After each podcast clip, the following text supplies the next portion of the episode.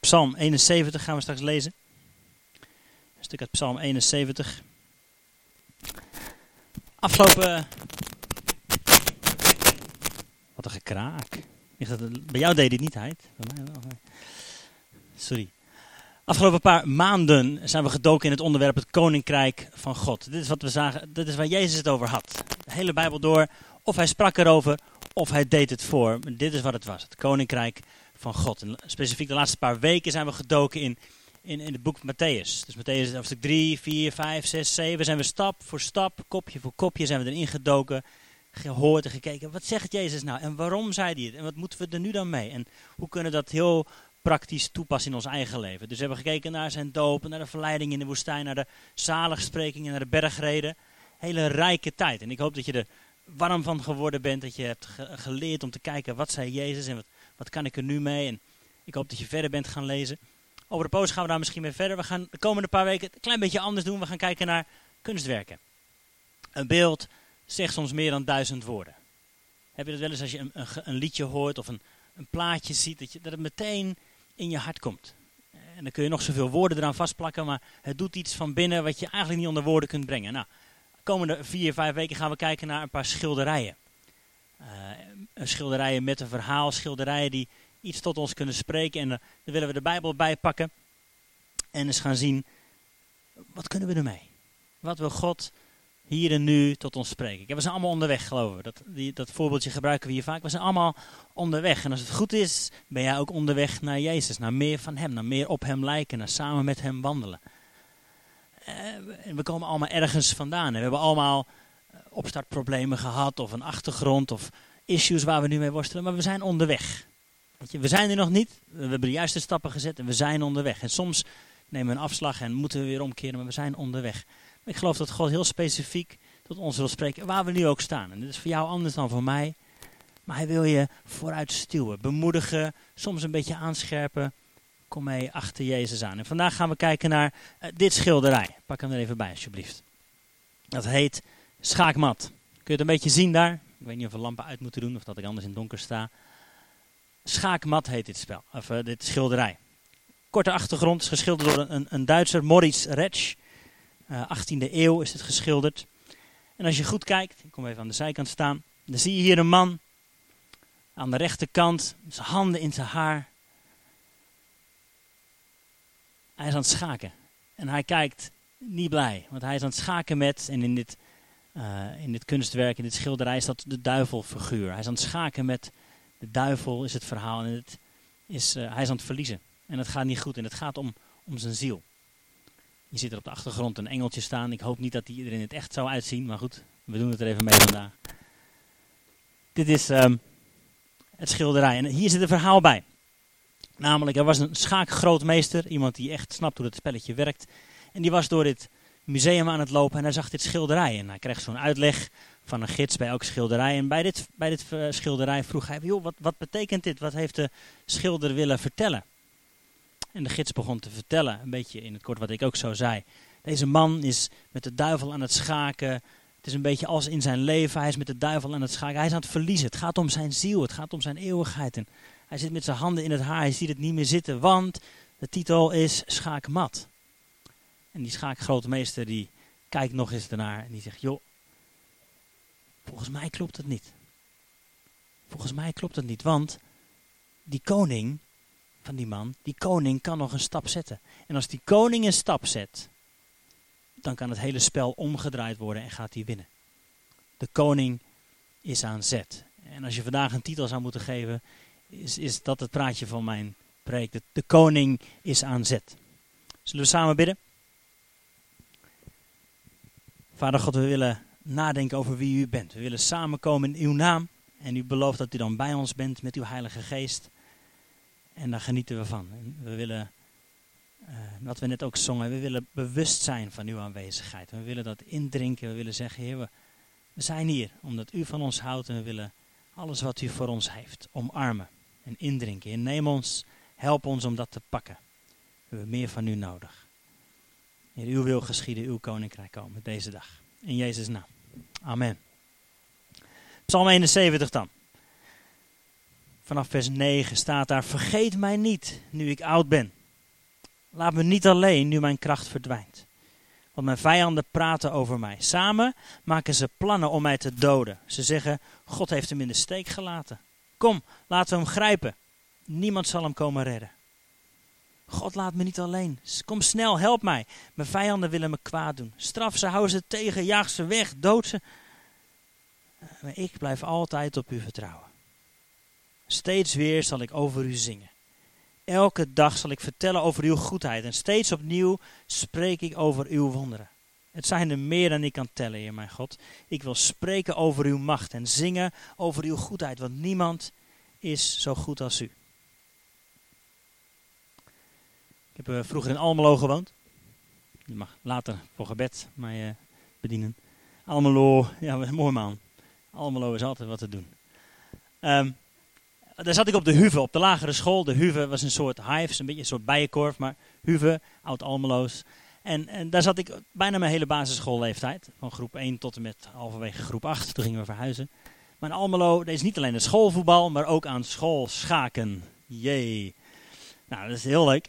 Um, en dan had je vier tafels. Over van de hele school mochten de beste vier leerlingen dan aan vier tafels zitten. Tafel 1, 2, 3 en 4. De, de beste mochten aan tafel 1. En nou, de bijna, bijna best op tafel 4 enzovoort. En dan ging je tegen andere scholen schaken. En soms had je toernooien en dat was heel spannend. En ik zat aan tafel 2. Er was één meisje wat, nou ja, ze zeggen dat zij beter was. Maar ik denk dat ze daar mocht zitten omdat het een meisje was. Sally, kon heel goed schaken. Dus ik zat aan tafel 2 en hadden we vaak toernooien.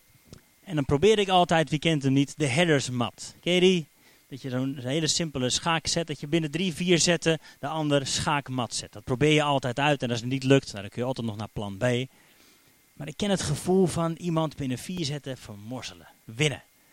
Ik ken ook het gevoel, jammer genoeg, aan de andere kant te zitten en dat je voelt, dit spelletje ga ik niet winnen. Die ander is simpelweg te goed, haalt me zetten door, maar ik heb zijn zetten niet door. Ik heb gelukkig nooit verloren van een meisje. Maar Behalve van Sally die naast me zat, maar dat mocht, want zij zat op mijn school. Maar dat gevoel ken ik. Dat je, dat je naar het bord kijkt en dat je ziet, dit gaat niet goed komen, ik ga verliezen.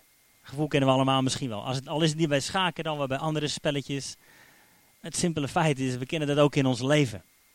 Het gevoel dat je naar situaties kijkt en dat je, dit is te groot. Dit gaat mij overweldigen, dit gaat boven mijn pet, dit heb ik niet meer onder controle. De zetten die ik heb gedaan, mijn bedoelingen zijn mislukt. En het groeit me boven de pet. Ik sta voor mijn gevoel schaakmat. Nou, dat zien we hier ook in deze psalm. Deze psalmist, we weten niet zeker of het David is. Sommigen zeggen wel, sommigen zeggen niet. Het is in ieder geval een man die wat ouder is. Hij begint met vergeet me niet nu ik oud ben. Dus een man die, die kijkt om zich heen. En hij ziet dat de situatie er niet goed voor staat. Zijn vrienden, zegt hij, willen hem vermoorden. Nou, dan, dan gaat het niet goed met je. Dan gaat het niet goed. En hij, kijkt om zich heen, hij ziet de situatie, hij ziet, ik sta schaakmat. Mijn leven gaat niet goed. Maar, en dan zie je halverwege, en het gebeurt bijna bij alle psalmen, maar ik blijf op u vertrouwen. En hij haalt zijn ogen af van de situatie en hij kijkt naar God en zegt, ik kan het niet meer, het gooit mij boven de pet, ik sta schaakmat, maar ik weet dat u trouw bent. En dan kijkt hij terug naar het verleden, naar de dingen die goed gegaan zijn. Nou, wat ik zo net beschrijf, hè, soms heb je het idee dat je inderdaad zo'n spelletje aan het doen bent, aan het verliezen bent, of in je leven dat je in situaties zit, uh, dit gaat niet meer goed komen. Uh, financieel misschien, dat je je baan kwijt bent, je kunt dingen niet betalen, relaties lopen stuk. Noem maar op, we kennen allemaal wel van die situaties in ons leven. Studies die niet tof lopen, vriendschappen die verbroken worden. Je staat schaakmat. Je hebt het idee dat je tegen de duivel aan het spelen bent en die is slimmer dan jij en heeft je klem gezet. Dat gevoel kennen we allemaal. En soms gaan we dan twijfelen aan onszelf. Wat heb ik allemaal niet verkeerd gedaan? Is God er nog wel? Het goede nieuws is, we staan hierin niet alleen. De Bijbel staat vol met verhalen over mensen die schaakmat staan. Totdat de koning aan zet is. Laten we een paar voorbeelden bij pakken. Abraham, bijvoorbeeld. Helemaal terug naar Genesis Abraham. God komt met een belofte aan Abraham. Je zult een zoon krijgen, je zult kinderen krijgen, je zult een groot volk voortbrengen. Nou, dat is een bijzondere mooie belofte aan, aan elke man, denk ik. Maar dit was een belofte aan iemand die, die erop bleef wachten en wachten en wachten en wachten tot hij 100 jaar was. Het gevoel dat die schaakmat stond. God, u heeft een belofte gedaan. Ik heb veel spullen, maar wie gaat het erven? Ik heb geen nakomeling. Hij stond schaakmat. Zijn vrouw kon niet meer zwanger worden, was te oud. Het was bekeken. God, u heeft iets beloofd, maar in deze situatie sta ik schaakmat. Maar de koning was aan zet. En God deed iets wat alleen God kon doen. En zijn vrouw werd uiteindelijk toch zwanger. Dus in een situatie waarin hij het niet meer zag, was de koning aan zet en brak hij door. Er gebeurde er een wonder. Er kwam een zoon. En ook al heeft Abraham niet het hele grote volk gezien in zijn dagen, hij heeft zijn zoon gezien.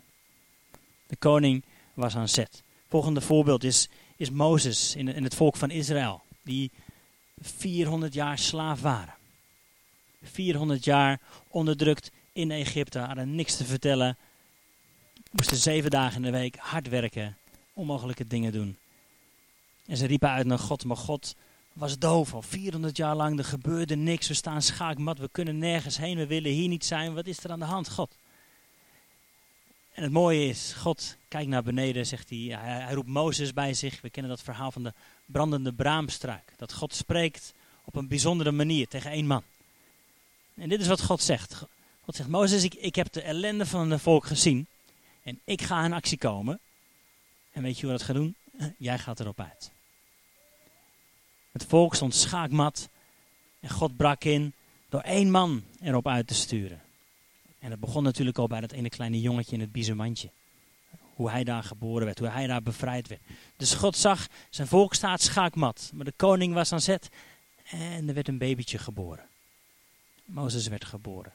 En uiteindelijk was dat Gods manier van antwoorden in een situatie waarin hij het niet meer zag zitten. Waarin het hele volk schaakmat stond. Maar toen was de koning aan zet. Mooi om te zien dat als God gaat antwoorden, dat het gebeurt door iets heel kleins en onverwachts. Door de geboorte van een kleine baby. In het midden van ellende, in het midden van slavernij, werd er een klein babytje geboren. Dat was, dat was Gods meesterzet. De koning was aan zet en dit is wat hij deed. Een klein babytje geboren laten worden. Ander voorbeeld is heel bekend opnieuw.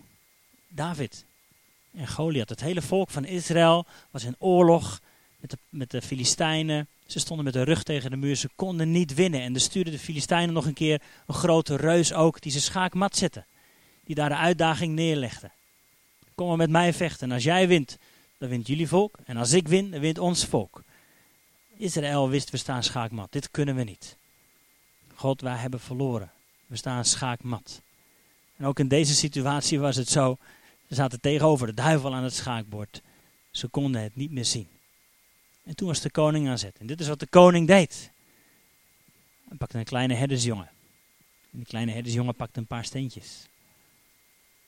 Ergens daarvoor was God al bezig geweest. Met David, daar alleen in het veld met zijn schapen, was hij al aan het trainen geweest. De koning was aan zet en dit is wat hij deed. Hij begon met één kleine herdersjongen. En die mocht het gaan vervullen. Die mocht uiteindelijk die reus gaan verslaan. En daardoor veranderde het hele spel. Ze stonden schaakmat, maar de koning was een zet. En door die ene zet veranderde de hele situatie. Dat zien we ook in het Nieuwe Testament, bijvoorbeeld met de discipelen van Jezus. Petrus zat in de gevangenis, schaakmat. Hij had verteld over Jezus. Jezus was gestorven en opgestaan. En daar was hij enthousiast over. Hij ging de straat op, hij vertelde erover. En het resultaat was in de gevangenis. Kon geen kant op. Schaakmat. Wat doe je dan? En wat we vaak dan denken is, is hebben we gezondigd dat dit ons dit overkomt? Hebben we iets fout gedaan? Zijn we God ongehoorzaam geweest? Is dit onze straf dan of zo? Dat we schaakmat staan, dat we in deze situatie terecht zijn gekomen? Nee, hij had het goede gedaan. Hij was gehoorzaam geweest. Hij had verteld over wie Jezus was. Hij ging naar buiten, hij ging erop uit. Hij sprak.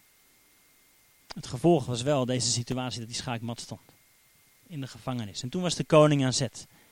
En de muren begonnen te trillen. Nee, sorry, dat is een ander verhaal. Hij, hij, uiteindelijk, zijn ketenen vielen af en hij kon gewoon doorlopen door de muren, door de deuren. En hij was bevrijd. Een hele onverwachte wending. Hij stond schaakmat, maar de koning was aan zet. En daardoor veranderde de hele situatie. Zien we later ook met, met Paulus en Silas die uh, geketend waren in de gevangenis. Ook zij hadden niet gezondigd. Of zo. Ze hadden gedaan wat goed was. Ze hadden gedaan wat God hen had verteld. Dus dan zien we dat die situatie van schaakmat staan, wat je hier ziet in dit plaatje, is niet per se omdat je gezondigd hebt. Dat zagen we eerder ook al. Jezus ging de woestijn in omdat hij geleid werd door de geest. En dat is misschien met sommige situaties van ons ook zo. Dat God ons op plekken brengt dat we wel een wonder nodig hebben. Dat we het echt niet meer zelf kunnen. Dat we God nodig hebben. Dat we hem wel moeten aanroepen. Dat zien we hier ook in de psalm. Dat je haalt je ogen af van de situatie. Want je moet wel. Je kunt dit niet meer alleen doen. Dat zagen ook bij Paulus en Silas. Ze begonnen te aanbidden. Ze begonnen te zingen. Ze zaten vast. Met hun handen, met hun voeten. Midden in een kelder ergens. In een gevangenis. Ze konden geen kant op. Ze stonden echt schaakmat. Maar dit is wat ze wel konden doen. Ze konden wel zingen. Ze konden wel hun ogen van de situatie afhalen en op God gaan richten en hem gaan aanbidden. En wat de psalmist hier ook doet, terugkijken naar hoe God altijd trouw is geweest in het verleden. Zingen van zijn grote wonderen, van hoe hij heeft overwonnen, van hoe hij het onmogelijke mogelijk heeft gemaakt. Dat is wat ze deden in het zingen in die gevangenis. Paulus en Silas zaten vast en op dat moment schudden de muren, braken hun ketenen af en werden ze bevrijd. De koning was aan zet. Dat deed hij op een hele onverwachte manier. En dat zien we soms nu ook wel, dat we denken, oh, maar dit staat niet in de Bijbel, kan dit wel van God zijn? maar God doet een heleboel dingen voor de eerste keer. Dit was nog niet eerder gebeurd, dat muren gingen schudden en dat kettingen afvielden. Weet je? Maar God kan het onmogelijke doen. Verwachten we dat? Eh, dat is voor ons denk ik de uitdaging. Als we het gevoel hebben schaakmat te staan, net zoals bij Mozes, misschien wordt er een klein babytje geboren. Misschien gebeurt er iets kleins. Zegt God, ik ga iets nieuws beginnen, maar zul je het wel zien? Zul je er acht op slaan? Weet je dat ik aan het werk ben? Al voordat je uitroept naar me, ben ik al bezig om dingen in gang te zetten. En de, de koning is nog steeds aan zet. In situaties waarin wij het niet zien zitten, is God bij machten en welwillend om in te breken. Om onze situatie aan te raken of om ons aan te raken. Soms veranderen situaties niet ineens, maar wel onze perceptie, onze manier van kijken. En gaan we God groot maken. Gaan we denken aan, nou ja, ik weet nog dat u trouw was. Ik kijk terug naar al die goede dingen die gebeurd zijn. Heel Bijbels, tel je zegeningen. Hardop herhalen. Vertellen, oh ja, dit is allemaal gebeurd. Ik weet dat u toen trouw was, dus daarom heb ik goede hoop dat u ook nu trouw bent. In de situatie waarin u nog niet geweest bent, u bent trouw. God, u bent aan zet. En voor ons dan, hoe gaan we dit praktisch maken? Als we naar dit schilderij kijken, die man zit daar met zijn handen in het haar en dat zul je misschien ook wel doen. Ik doe het niet zo vaak meer tegenwoordig. Niet meer nodig. Wat, wat ga je dan doen? En je ziet dat hij nog stevig kijkt naar die situatie, deze man die het gevoel heeft aan het schaken te zijn met de duivel. Hij staat schaakmat. En nogmaals, die situaties, je mag het voor jezelf invullen. En als je het nu niet herkent, fantastisch. Maar er komt een dag dat je in de situatie zit. Ah, dit heb ik niet meer in de hand. Ik, wat moet ik hier nu mee? Je, laat het diep in je, in je hart gegrift zijn. De koning is aan zet. En wat kunnen jij en ik dan doen in dat vertrouwen? Nou, eigenlijk, en daar sloot ik net mee af met Paulus en Silas. Paulus en Silas die, die in die gevangenis zitten. Ga zingen. Ga aanbidden paar dingen die, die aanbidding doen. En we doen het natuurlijk niet voor niks hier regelmatig zingen samen. Aan alle kerken wereldwijd. In de ene kerk wordt mooier gezongen dan in de andere kerk. Maar het principe is, je gaat de wonderen van God herhalen. Je gaat hardop opnieuw beleiden. Eerste plaats aan jezelf. Eigenlijk is dat wat je het meeste van de tijd hier doet. Als je aan het aanbidden bent, als je aan het zingen bent. Eigenlijk ben je vooral voor jezelf geloof aan het inzingen. Als je zingt over hoe, God trouw is, over the God of angel armies is by my side. Weet je, dat is iets wat God al lang weet hoor. je hoeft het op zich niet per se eh, voor hem te zingen en hem eraan te herinneren. Hij weet dat. Maar wat het wel doet, is het, het richt jouw ogen af van de situatie. En het richt jouw ogen op God. En in plaats van dat je tegen God alleen maar gaat vertellen hoe groot je problemen zijn. Dat doen we allemaal. We hebben lijsten.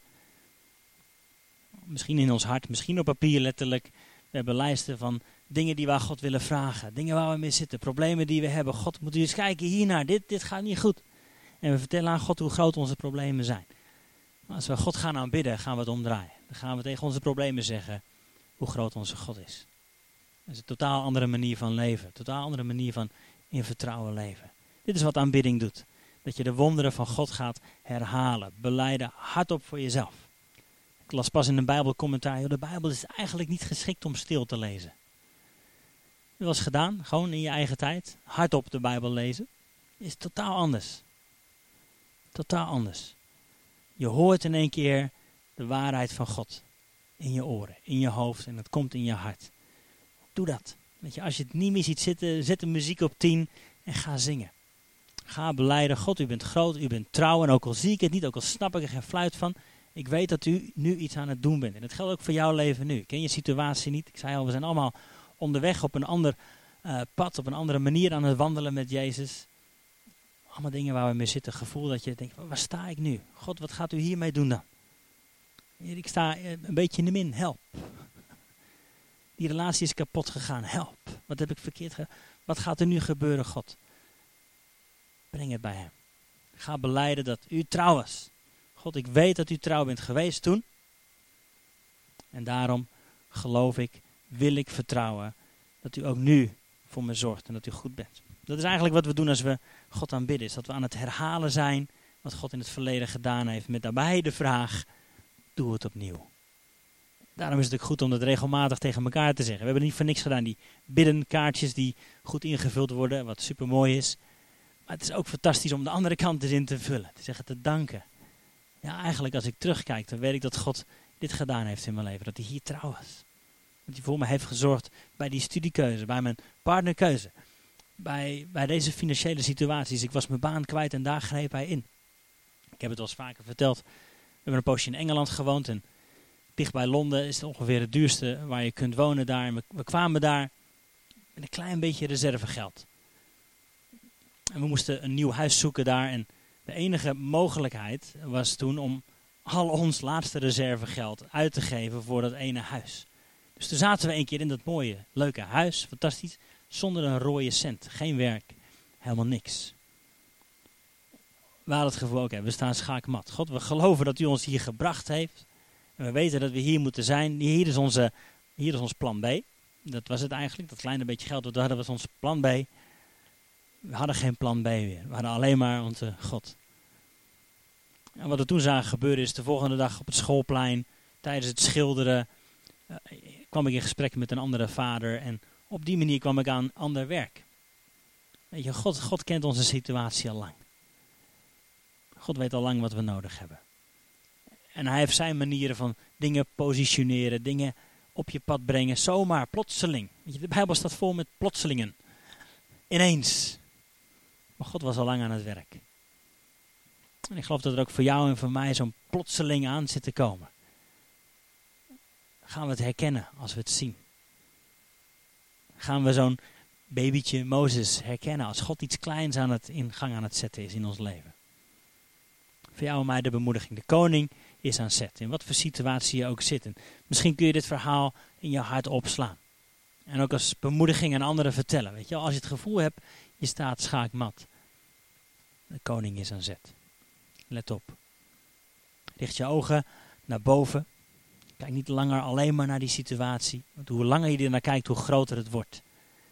En dat is ook wat we. Heb je dat wel eens afgevraagd als we aan het zingen zijn? Heer, ik maak u groot. Hoe doe je dat? God is volgens mij al lang groot. Wat er gebeurt als je je ogen op God richt, krijgt steeds meer plek in jouw leven. En wordt de situatie totaal anders. Je een ander uitzicht. Dat, doen we, dat is ook wat we vanavond doen bijvoorbeeld. Als we gaan bidden, dan doen we dat altijd in de atmosfeer van aanbidding. We gaan eerst onze ogen op God richten. En niet alleen maar met ons lijstje met verlanglijstjespunten komen. Nee, we willen eerst vanuit zijn perspectief dingen gaan bekijken. En dan gaan beleiden, God u bent trouw. Heer, in deze situatie we geloven dat u trouw bent en dat u gaat doorbreken. En op die manier gaan we geloof kweken in onszelf. Gaan we ons verankeren, niet in onze situatie, maar in zijn woord en wie hij is. Misschien kunnen we gaan staan. Gaan we zo wat tijd nemen om, om dat ene lied wat we net zongen, The God of Angel Armies, nog te zingen. Om te gaan beleiden in wat voor situatie ik ook zit, en al heb ik nu even geen idee, ik weet, ik weet wel wie er naast me loopt. En ik weet niet zo goed waar we naartoe lopen, Maar ik weet wel wie er voor en achter mij is. Dat lied gaan we straks zingen. Maar de eerste simpele vraag die ik je wel wil stellen is. En we hebben het over de koning is aan zet. Mag Jezus jouw koning zijn? Mag hij jouw koning zijn? Het is fantastisch om te weten dat hij je redder is. En dat hij voor je is gestorven, dat hij voor je is opgestaan en dat je eeuwig leven met hem hebt. Maar mag hij ook nu, hier en nu, je koning zijn? Mag hij inbreken? Mag hij bepalen welke kant je op gaat lopen? Mag hij je koning zijn? We nemen straks na de dienst wat tijd om daarvoor te bidden. Als je het niet zeker weet dat Jezus je koning is, zou dat mijn hartelijke aanbeveling zijn. Zet die stap. Laat hem je koning zijn. Hij wil graag die volgende zet doen in je leven. Hij wil je graag verder helpen. Mag hij je koning zijn.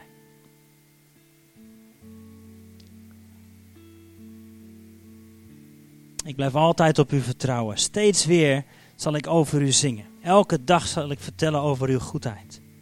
Steeds opnieuw spreek ik over uw wonderen.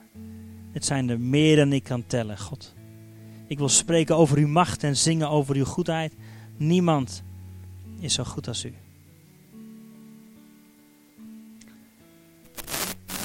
Dank u wel, Vader, dat we dat mogen beleiden. U bent koning en u bent aan zet in ons leven. Laat uw koninkrijk komen, uw wil geschieden.